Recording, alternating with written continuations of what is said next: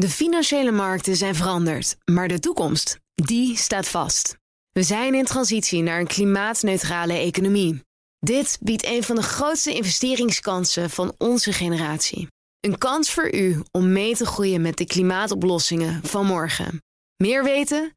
Ga naar carbonequity.com. Carbon Equity. Do good by investing better van een nieuwe Amerikaanse president? Of is de huidige Amerikaanse president ook de nieuwe president? Dat bespreken we in het beleggerspanel. Lodewijk van der Kroft, partner bij Comgest. Thijs Knaap, senior stratege bij APG. En Simon van Veen, de fondsmanager van het Sustainable Dividend Value Fund. Mijn zakenpartner is Ilona Haier, commissaris bij Boskalis. Ook voormalig CEO van DSM Food Specialties en Bugaboo. Welkom allen. We beginnen, ook al gebeurt er van alles in de wereld om ons heen... met jullie laatste transactie, Lodewijk. Ja, ik heb uh, afgelopen vrijdag bij het slot, en dat had ik ook verteld als de beurs uh, niet gestegen waren deze week, uh, heb ik een, een aankooptransactie gedaan. Want ehm, ja, het was een hele heftige week natuurlijk afgelopen week. Maar ik dacht dat het ook een beetje aan het voorbij aan het schieten was. Dus ik heb voor mijn privéportefeuille, dan moet ik altijd netjes eerst via de compliance officer, moet ik vrijdagochtend moet ik dat melden. Vrijdagmiddag krijg ik dan te horen, ja dat mag. En dan kan ik op het slot kan ik vervolgens die transactie doen. En ja, toevallig was dat dan net het dieptepunt van de week. Zo ja. maar dat is puur geluk uh, uh, geen wijsheid. Uh, uiteindelijk is beleggen in aandelen is een kwestie van tijd. En ik zou niet willen pretenderen dat ik een juiste timer ben. En welke transactie is het dan? Want nu hebben we de timing gehad. ik, heb, ik heb een mandje Europese aandelen gekocht. Oké. ben jij overigens hersteld van vorige week? Het was een zware week natuurlijk. Nou, ik merkte dat ik er fysiek wel een beetje last van begon te krijgen. Zo rond uh, donderdag en vrijdag. Ja, uh, vooral ook, ik denk dat het pure psychologie op een gegeven moment ook was op de markt. Uh, en dat het, uh, dat het virus in ieder geval op de kapitaalmarkt behoorlijk uh, heerste. Maar, maar, ja, sorry hoor. Kijk, ik ben natuurlijk allemaal maar heel abstract bezig hier met procenten eraf, punten eraf, koersvallen en zo. Maar jij zit er wat dichter op en wat anders op natuurlijk. En jij hebt echt fysiek op een bepaald moment je grens bereikt. Nou ja, weet je, het, uh, het, begint een beetje vervelend te worden natuurlijk als, als het uh, allemaal een soort van drijfstand, alles begint langzaam weg te zakken. En uh, elke dag opnieuw was weer een vervelende dag. Dat was eigenlijk opmerkelijk, hè? want meestal zie je als het slecht gaat, dan heb je twee slechte dagen en dan nou, zit er nog een dagje winst tussen en zo. Maar vorige week was het elke dag raak. Dat, ik kan me voorstellen dat dat ook een beetje slopend is als je er dicht op zit. En toen werd het trouwens maandag en toen ging het allemaal weer beter. Gaat het dan ook ja, met jou dat, Maar dat was in het weekend was toch niet, nog niet zo heel zeker. Uh, dus, uh, was zo... een rot weekend gehad zelf. Nou ja, wat dat betreft was berichtgeving in het weekend was niet echt heel denderend. Nee. Um, en was het eigenlijk pas in de, ja, nadat Amerika openging maandag... dat die beurs echt een beetje begonnen te herstellen.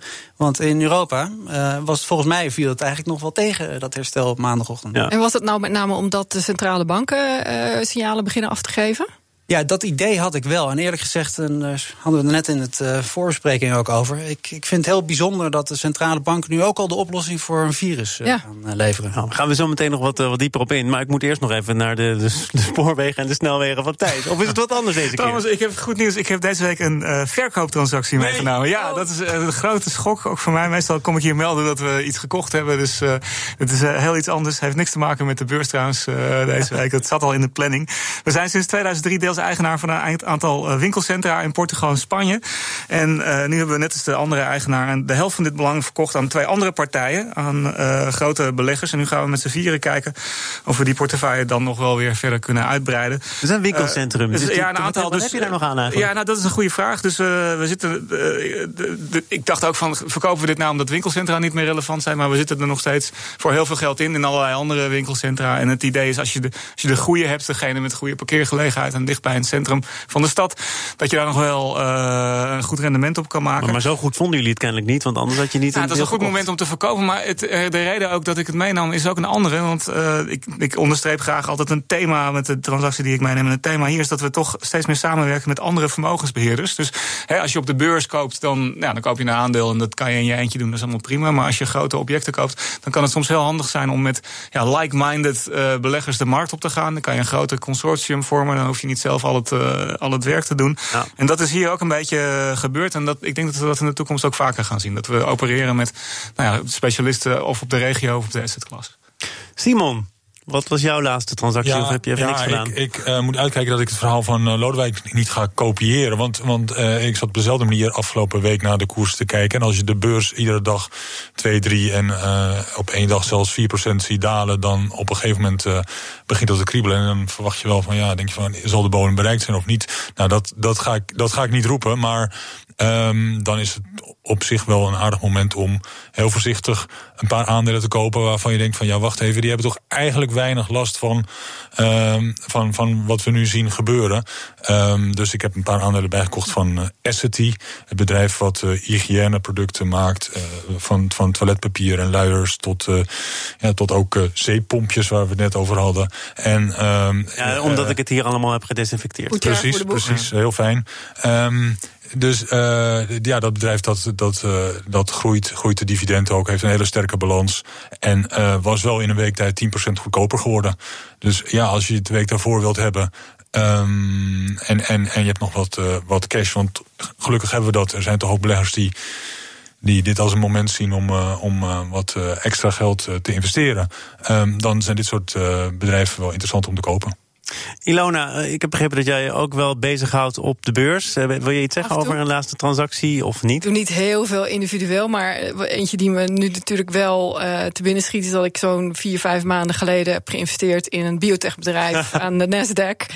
die um, bezig is in clinical trials om nieuwe anti-infectives uh, in de markt te zetten... tegen bacteriën, virussen enzovoort. Dus ja, dat, puur was, uh, dat was echt puur toeval, denk ik, ja.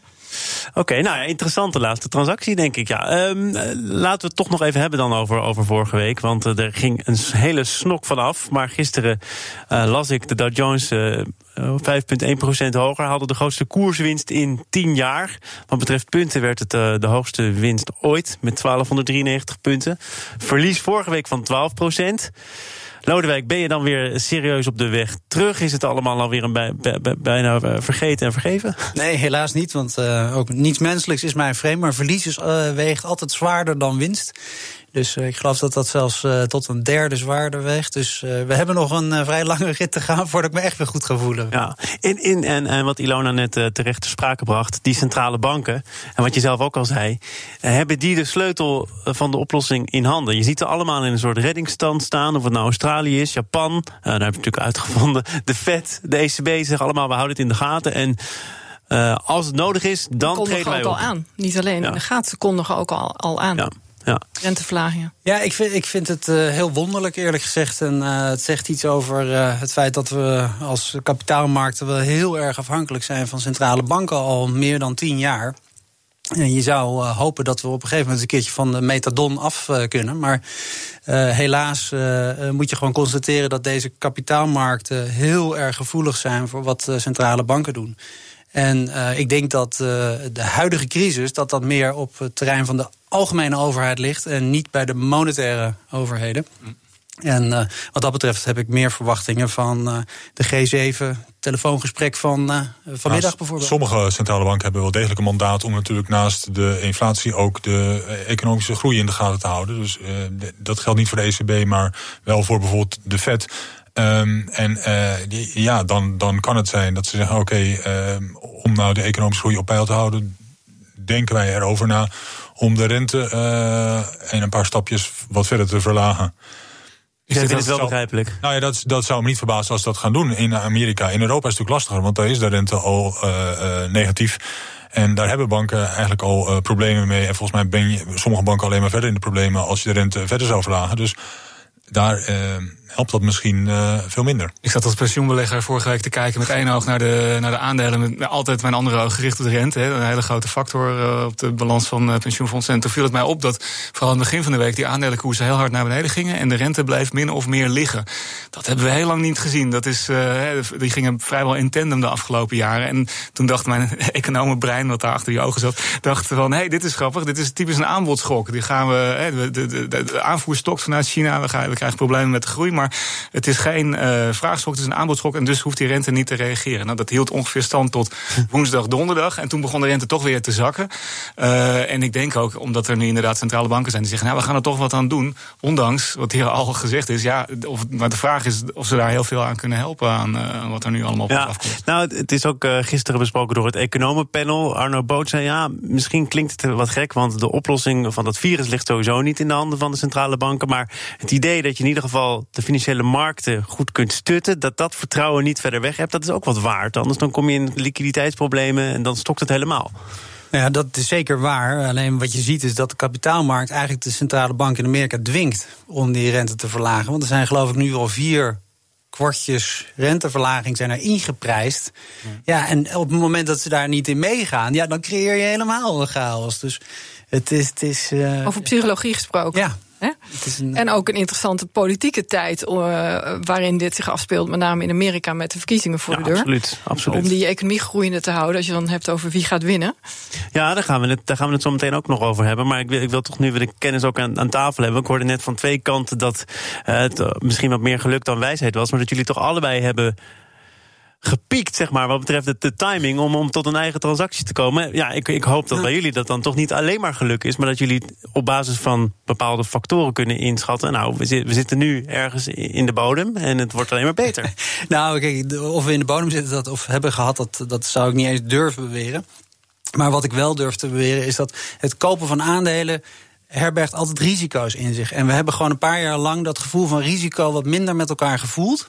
En dit zijn nou precies die momenten waarop je weer realiseert: oh ja, wacht even, ik loop risico door een aandelenbelegger te zijn.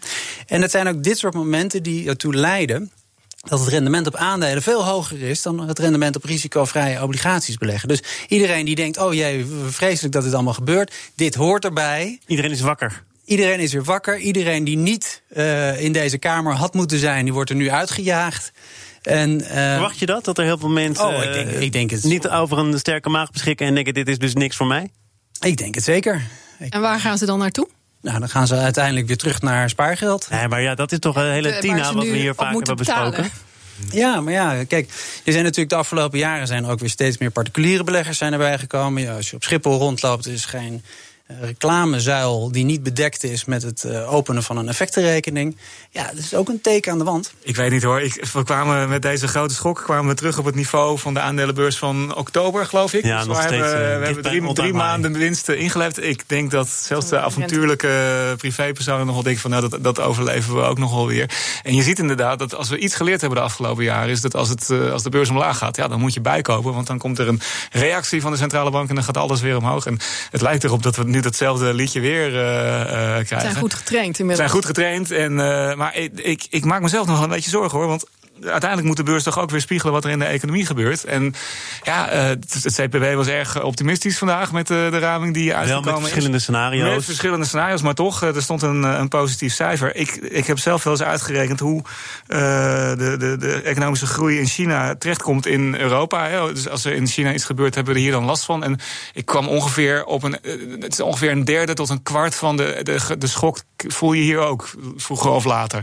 Nou ja, als we dan even over de duim rekenen, dan volgens mij is er in China wel een schok van een, nou laten we zeggen, procent of 4, 5 groei uh, geweest de afgelopen kwartaal. Maar er zijn ook mensen die zeggen er komt uitgestelde vraag, dat maak je wel weer goed. Ja, dat zal wel, maar dan oh. nog uh, krijgen we dat ook later weer hier. Maar dan hebben we toch nog eerst een periode waarin de groei tegen gaat vallen. Ja, zo ver zitten we niet van, van nul af hè, in, uh, in Europa. Dus er komen vast nog een paar van dat soort momenten waarop je denkt van hé, hey, nu is het interessant om een paar aandelen te kopen.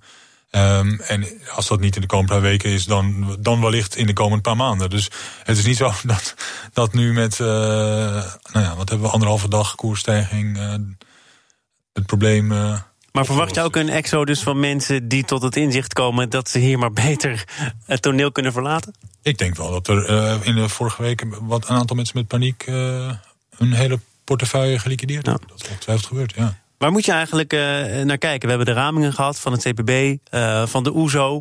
Allemaal met de kanttekening dat het wel eens heel anders kan uitpakken dan wat ze nu op papier hebben gezet. Moet je kijken naar bijvoorbeeld wat ik voorbij heb horen komen: de, de luchtverontreiniging in China. Om te bepalen of er alweer voldoende fabrieken open zijn. Zijn er inmiddels andere indicatoren die jullie gebruiken om tot een inzicht te komen? Ik kijk toch met name naar China. En dan uh, is de vraag inderdaad, wat weet je over hoe de groei daar nu is? Je kan op je vingers natellen dat je niet het hele verhaal uh, hoort. Maar dan zijn er inderdaad andere indicatoren. De luchtverontreiniging uh, is er één. Het, het kolenverbruik wat daarmee samenhangt. maar daar weten we ook exact van hoeveel het is. Dat ligt ook veel lager. Het aantal verplaatsingen. Nou, en als je dat allemaal ziet als indicatief voor hoeveel er daadwerkelijk geproduceerd wordt, dan weet je twee dingen. het gaat een stuk minder hard dan, dan nu nog in de officiële cijfers blijkt. En dat gaan we hier uiteindelijk ook uh, krijgen. Want die Chinezen zijn doorgaans wel bezig om onze onderdelen uh, te maken voor de dingen die wij hier of in elkaar zetten of, uh, of verkopen. Zaken doen. Het beleggerspanel is hier Lodewijk van der Kroft, Thijs Knaap en Simon van Veen. Mijn zakenpartner is Ilona Haier. En het is 3 maart, dat wil zeggen dat het Super Tuesday is. In november dan kiest Amerika een nieuwe president. Trump aan de ene kant en iemand anders aan de andere kant. Simon, maakt het, denk jij, voor de strijd in november heel veel uit wie dat is? Uh, nou, ik denk wel degelijk dat dat het verschil maakt wie van de democratische kandidaten die er nu nog over zijn, want er zijn er niet zo heel veel meer, uh, wie, wie uiteindelijk gaat winnen. Dus uh, ja, aan de ene kant heb je uh, Bernie Sanders, de, de, de meest linkse kandidaat binnen de Democratische Partij, en aan de andere kant heb je een aantal kandidaten die ja, iets gematigder zijn en daardoor wellicht ehm, meer kans zouden kunnen maken om bij de uiteindelijke verkiezing in november van Trump te winnen.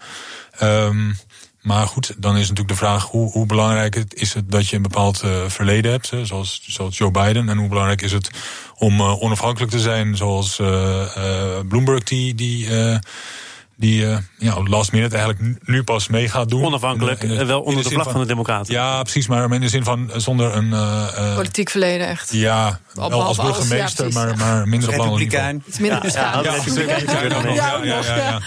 En uh, moet je als belegger in deze strijd nog ergens op hopen? Dat is wel een goede vraag. Ik heb me dat ook afgevraagd. Zou uh, Trump 2 nou net zo goed zijn voor de aandelenmarkt als Trump 1? Uh, we hebben, dat, dat, is best een goede uh, prestatie als je alleen daarnaar kijkt. Hè. Dus de Amerikaanse beurs is vanaf het moment dat Trump verkozen is met 48% gestegen. Beurzen in de rest van de ontwikkelde wereld met ongeveer de helft, iets minder zelfs. Ja, hij laat het niet na om dat dus, zelf te benadrukken. Nee, daarom. Dus, en het zal niet allemaal zijn verdiensten zijn, maar ik denk dat een aantal van zijn beleidsinitiatieven daar wel toe bijgedragen hebben. De belastingverlaging, het verminderen van eh, de regulering in Amerika. Eh, de vraag is of hij dat nog een tweede keer kan doen. Dus als je Trump weer krijgt, gaan we nou weer 48% omhoog? Of eh, zijn alle konijnen nu uit de hoge hoed? En hou je alleen maar de handelsoorlog over, waar beleggers heel veel last van hebben gehad. Ja, maar die handelsoorlog, daar hebben de Democraten zich ook voor een belangrijk deel achter geschaard. Uh, misschien dat een democratische kandidaat uh, nog wel voor tegenwind gaat zorgen. In plaats van dat de meewind misschien wat afneemt. Ja, maar daar zie ik wel het belangrijke verschil tussen uh, Sanders en, en Biden. Die hier net even besproken waren. Ik denk dat Biden is echt de, de establishment kandidaat. En die zal veel meer terugvallen, zoals die ook bij Obama als vicepresident al deed, op het, het multilaterale uh, framework, waar Trump helemaal niet uh, van houdt. Sanders zie ik iets meer als iemand die inderdaad ook ja, uh, Amerika eerst en dan de rest, dat, dat zien we nog wel eens. daar zou je dus meer handelsproblemen van kunnen verwachten dan van Biden. Dus in die zin doet het, het nog wel een beetje toe wie het wordt. En, en is de de beursontwikkeling van de afgelopen jaren. Is dat een goede pijlstok om het succes van je presidentschap aan af te meten, Lodewijk? Of, of mag je daar terecht toch wel trots op zijn als je Trump heet? Nou, dat, uh, als je Trump heet, dan ben je daar terecht uh, trots op. Uh, ik denk dat de stand van de economie heel bepalend altijd is geweest. Clinton destijds, it's the economy stupid. ik denk dat het gewoon heel lastig gaat worden om Trump te verslaan in de huidige economische tijdsgeest. Het is uh, verrassend hoeveel groepen die eigenlijk, waarvan je zou zeggen, die hebben helemaal niets met een, de persoon Trump, toch achter Trump uh, blijven staan. Hij heeft. Fantastische ratings onder Republikeinen. En wat hij vooral op dit moment heeft, is ook onder onafhankelijke... heeft hij een relatief hoge score ten opzichte van de afgelopen drie jaar. En dat is op zich natuurlijk ongunstig voor de Democraten... want die moeten uiteindelijk natuurlijk die marginale extra stemmer op die Democraten... daar moeten ze het van hebben waarschijnlijk. Maar dat is toch misschien ook wel te verklaren... als die economische ontwikkeling goed geweest is... als de werkloosheidscijfers prima zijn... als er een soort van loonstijging toch voor de meeste mensen ingezeten heeft... als het op de beurs allemaal goed gaat, dan, dan heb je natuurlijk gewoon de wind mee. Ja, en dat is jammer voor ons Europeanen, omdat we het gewoon een hele nare man vinden. Maar voor de rest uh, Ja. waarom heb ik iets nou ja, gezegd toch dat niet helemaal om klopt? te proberen een beetje discussie op gang te brengen. Want um, een van de analyses die gedaan is op het werkloosheidscijfer in Amerika... is dat inderdaad het werkloosheidscijfer laag is. Maar dat het aantal, het, het type banen wat erbij is gekomen... niet eens, uh, daar heb je geen uh, levend bestaan van. En zelfs niet soms van een combinatie van twee banen nu. Dus het aantal mensen wat naar de voedselbank gaat... is explosief gestegen in uh, Amerika. Dus de vraag is even wat de stemmers gaan doen... versus wat de beurs laat zien. Ja, dus dat is een kanttekening bij het economische succes van Trump. Ja. En is die andere kanttekening ook uh, hoe lang je dit kunt volhouden als het begrotingstekort oploopt, Simon? Um, dat is een goede vraag. Dat, uh, de, ja, wat je ziet is ook dat het begrotingstekort heel hard opgelopen is. Uh, maar ik denk niet dat het bij een democratische president minder snel zal gaan. Want als je ziet wat, wat, wat zeg maar de, de, de plannen van uh, nou ja, bijvoorbeeld Sanders zijn. Um, dat gaat, ja, dat gaat ongelooflijk veel geld kosten. En ja, dat is zeg maar niet anders dan, dan hoe het nu gaat. Dus het begrotingstekort is dus eigenlijk voor geen van die kandidaten een belangrijk issue. Omdat het opmerkelijk is dat het, het, het, grote gevaar van het begrotingstekort was altijd dat de rente op zou lopen. Dat de obligatiemarkt ja. zou zeggen: jongens, we financieren dit niet meer. En als we iets gezien hebben, is het het omgekeerde. Ja. De rente is op recordlaagte in Amerika. Dus we kunnen het nog jaren volhouden. Maar, maar hier, hier in, uh, in Nederland zijn altijd wel politieke partijen die zeggen: nou, we moeten ook nadenken over de generatie na ons. En je hebt toch ook een rekening, die kun je niet voortdurend maar voor je uitschuiven. Dat is in Amerika op dit moment niet de boodschap. Er zijn heleboel dingen anders in Amerika en dit een van. Ja. ja. Is, uh... Hoe belangrijk is, is uh, the economy? Want uh, dat is inderdaad al aangehaald. Hè. Clinton die won daar toen de verkiezingen mee. It's the economy stupid. Maar ik heb begrepen uit verschillende polls die ik ook voorbij heb horen komen. Daar gaat het ook over. Maar voor heel veel kiezers. Ja, blijkt het klimaat heel belangrijk te zijn. Of uh, verzekeringen uh, tegen, tegen arbeidsongeschiktheid, de zorgverzekeringen. Is economie wel het leidende thema? Ja, ik denk uiteindelijk dat dat het leidende thema is. En er zullen ongetwijfeld groepen zijn die gemarginaliseerd zijn, zoals aangegeven de working poor, die. Uh, ja, toch niet in dezelfde mate hebben geprofiteerd van de opgang. die is ook heel scheef verdeeld. Het zijn met name de rijken weer geweest. Die hebben geprofiteerd onder, onder Trump. Maar de realiteit is dat Amerikanen ook een bepaalde mentaliteit hebben die wij in Europa niet hebben. Waarin ze zeg maar, niet zo snel jaloers zijn.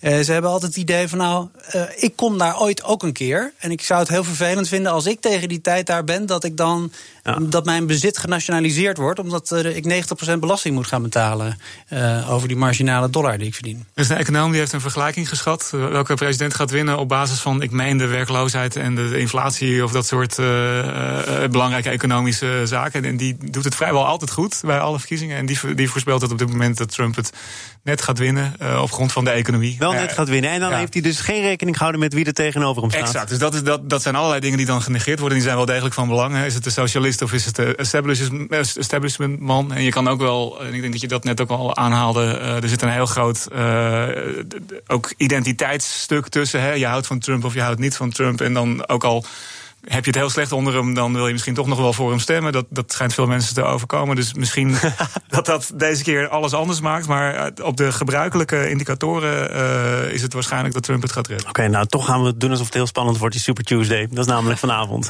Dankjewel, Thijs Knaap, senior stratege bij APG. Lodewijk van der Kroft van Comgest. En Simon van Veen van het Sustainable Dividend Value Fund. Ilona Haier, fijn dat je er was. Mijn ja. zakenpartner van vandaag. Leuk. Tot snel. Morgen dan is er weer een uh, uitzending van BNR Zaken doen. Dan met Sita Hamminga van Robin Raider Systems. Dan gaat het onder andere over de drones die London Heathrow gaan beveiligen. Morgen dus meer daarover in BNR Zaken doen. Zometeen eerst Nieuwsroom. Dat is de dagelijkse podcast van het FD en BNR. Gepresenteerd door Mark Beekhuis. Veel plezier. Tot morgen. De financiële markten zijn veranderd. Maar de toekomst, die staat vast. We zijn in transitie naar een klimaatneutrale economie. Dit biedt een van de grootste investeringskansen van onze generatie. Een kans voor u om mee te groeien met de pioniers van morgen. Meer weten? Ga naar carbonequity.com. Carbon Equity. Do good by investing better.